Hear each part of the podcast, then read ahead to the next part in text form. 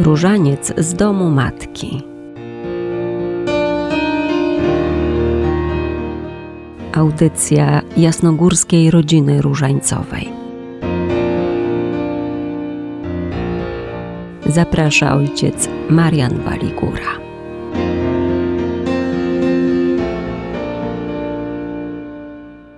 Drodzy słuchacze Radia Jasna Góra, spotykamy się w naszej kolejnej, ostatniej w styczniu audycji Różaniec z Domu Matki. Pozdrawiam wszystkich pracowników Radia Jasna Góra, panią redaktor Danutę, pana Piotra, który jest z nami w studio. I dziękuję za kolejne spotkanie e, ze słuchaczami. Witam Was wszystkich, drodzy słuchacze, w tym naszym cotygodniowym sobotnim spotkaniu. Dziś w naszym rozważaniu maryjnym, różańcowym e, dotkniemy kolejnego biblijnego tytułu Maryi, który określa ją jako idealną oblubienicę.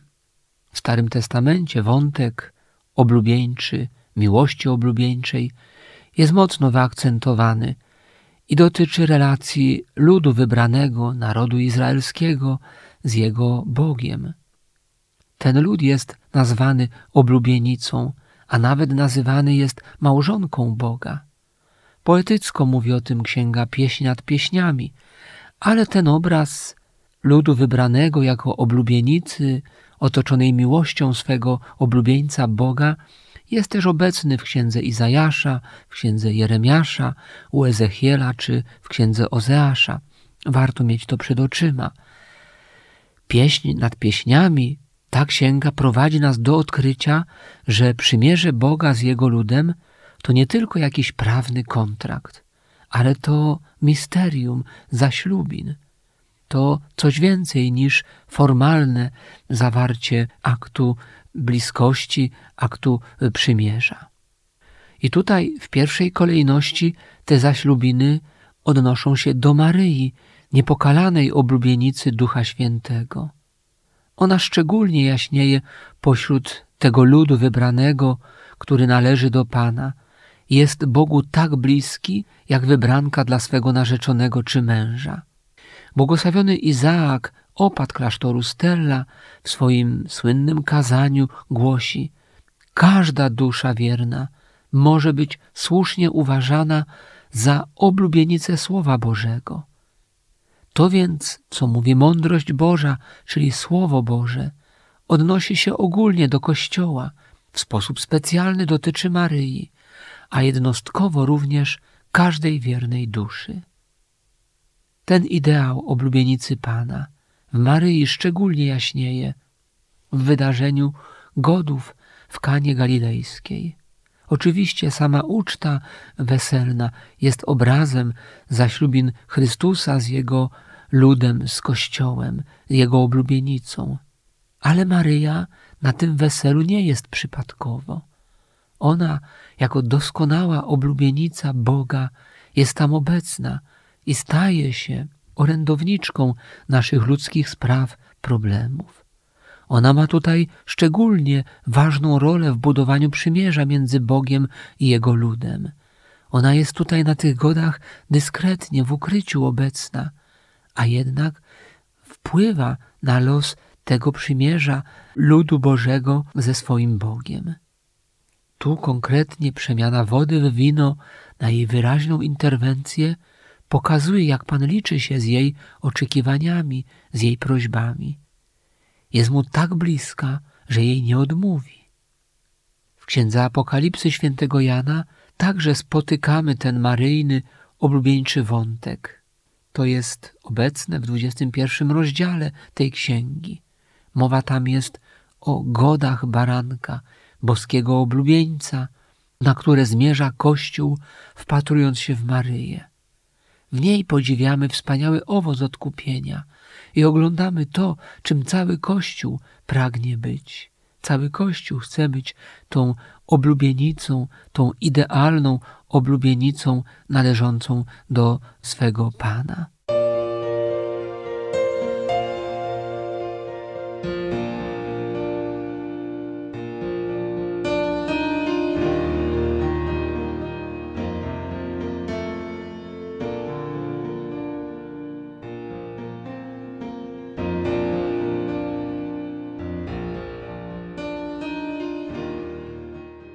Pomyślmy, że nasza codzienna modlitwa na różańcu to jest właśnie takie stawanie się kimś bardzo bliskim samemu Panu, wchodzeniem w tą serdeczną miłość, więź serdeczną z naszym Panem, w ten oblubieńczy wątek z tym, który chce, byśmy do Niego należeli. Maryja uczy nas bycia blisko Boga, oręduje za nami, podnosi nas w górę, pokazuje nam, że Bóg naprawdę troszczy się o nas, o swój lud, o tych, którzy są Mu tak bliski, jak oblubienica swemu oblubieńcowi. Maryjo, wspieraj nas na drodze naszego trwania, na drodze naszego trzymania w ręku różańca.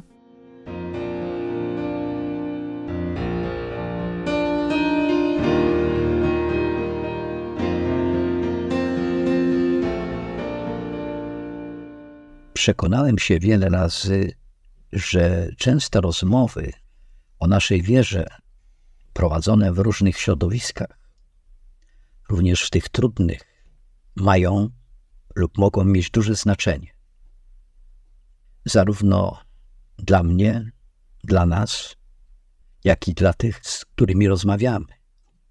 I jest to ważne dlatego, że po jakimś czasie te sprawy wracają do nas w rozmowach w różnoraki sposób.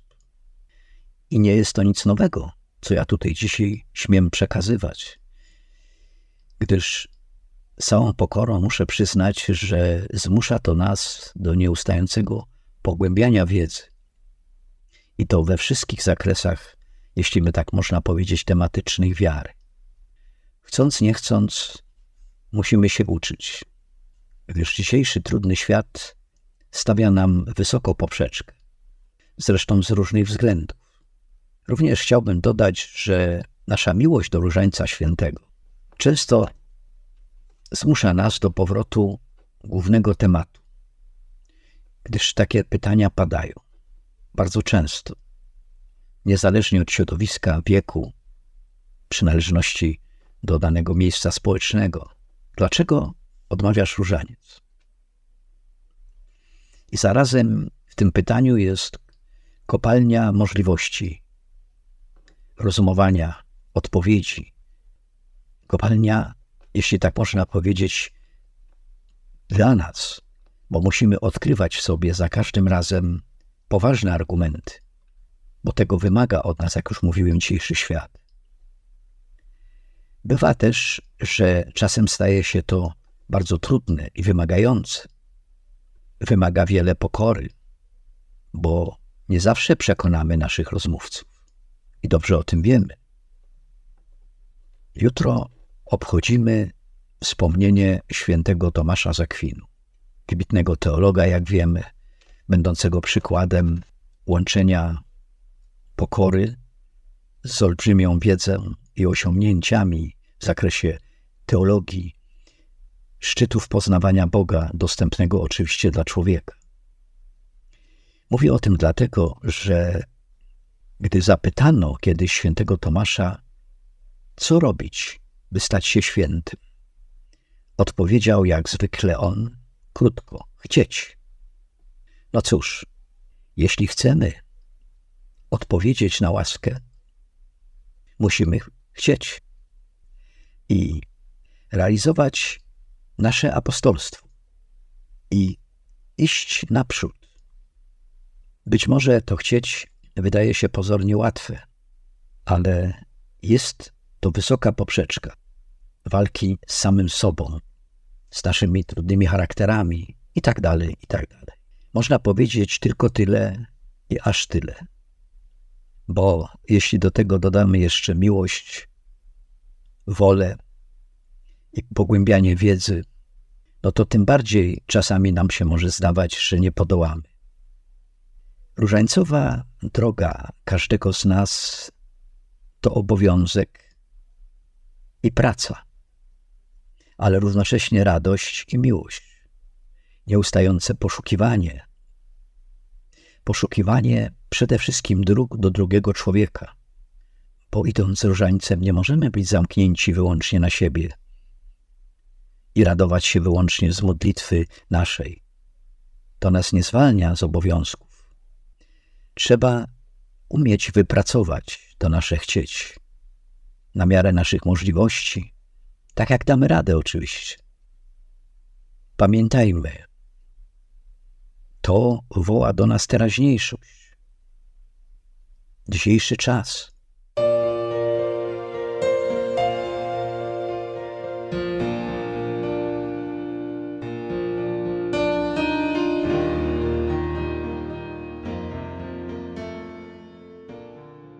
Mateńko z Jasnej Góry, obdasz nas łaską pokory, odwagi, chęcią pogłębiania wiedzy, otwartym umysłem, łaskami Ducha Świętego, na wszystkich naszych ojczyźnianych drogach, na naszych niełatwych drogach. I wysłuchaj nas i przekaż te nasze prośby swojemu synowi. Prosimy Cię z jasnogórskiej rodziny różańcowej.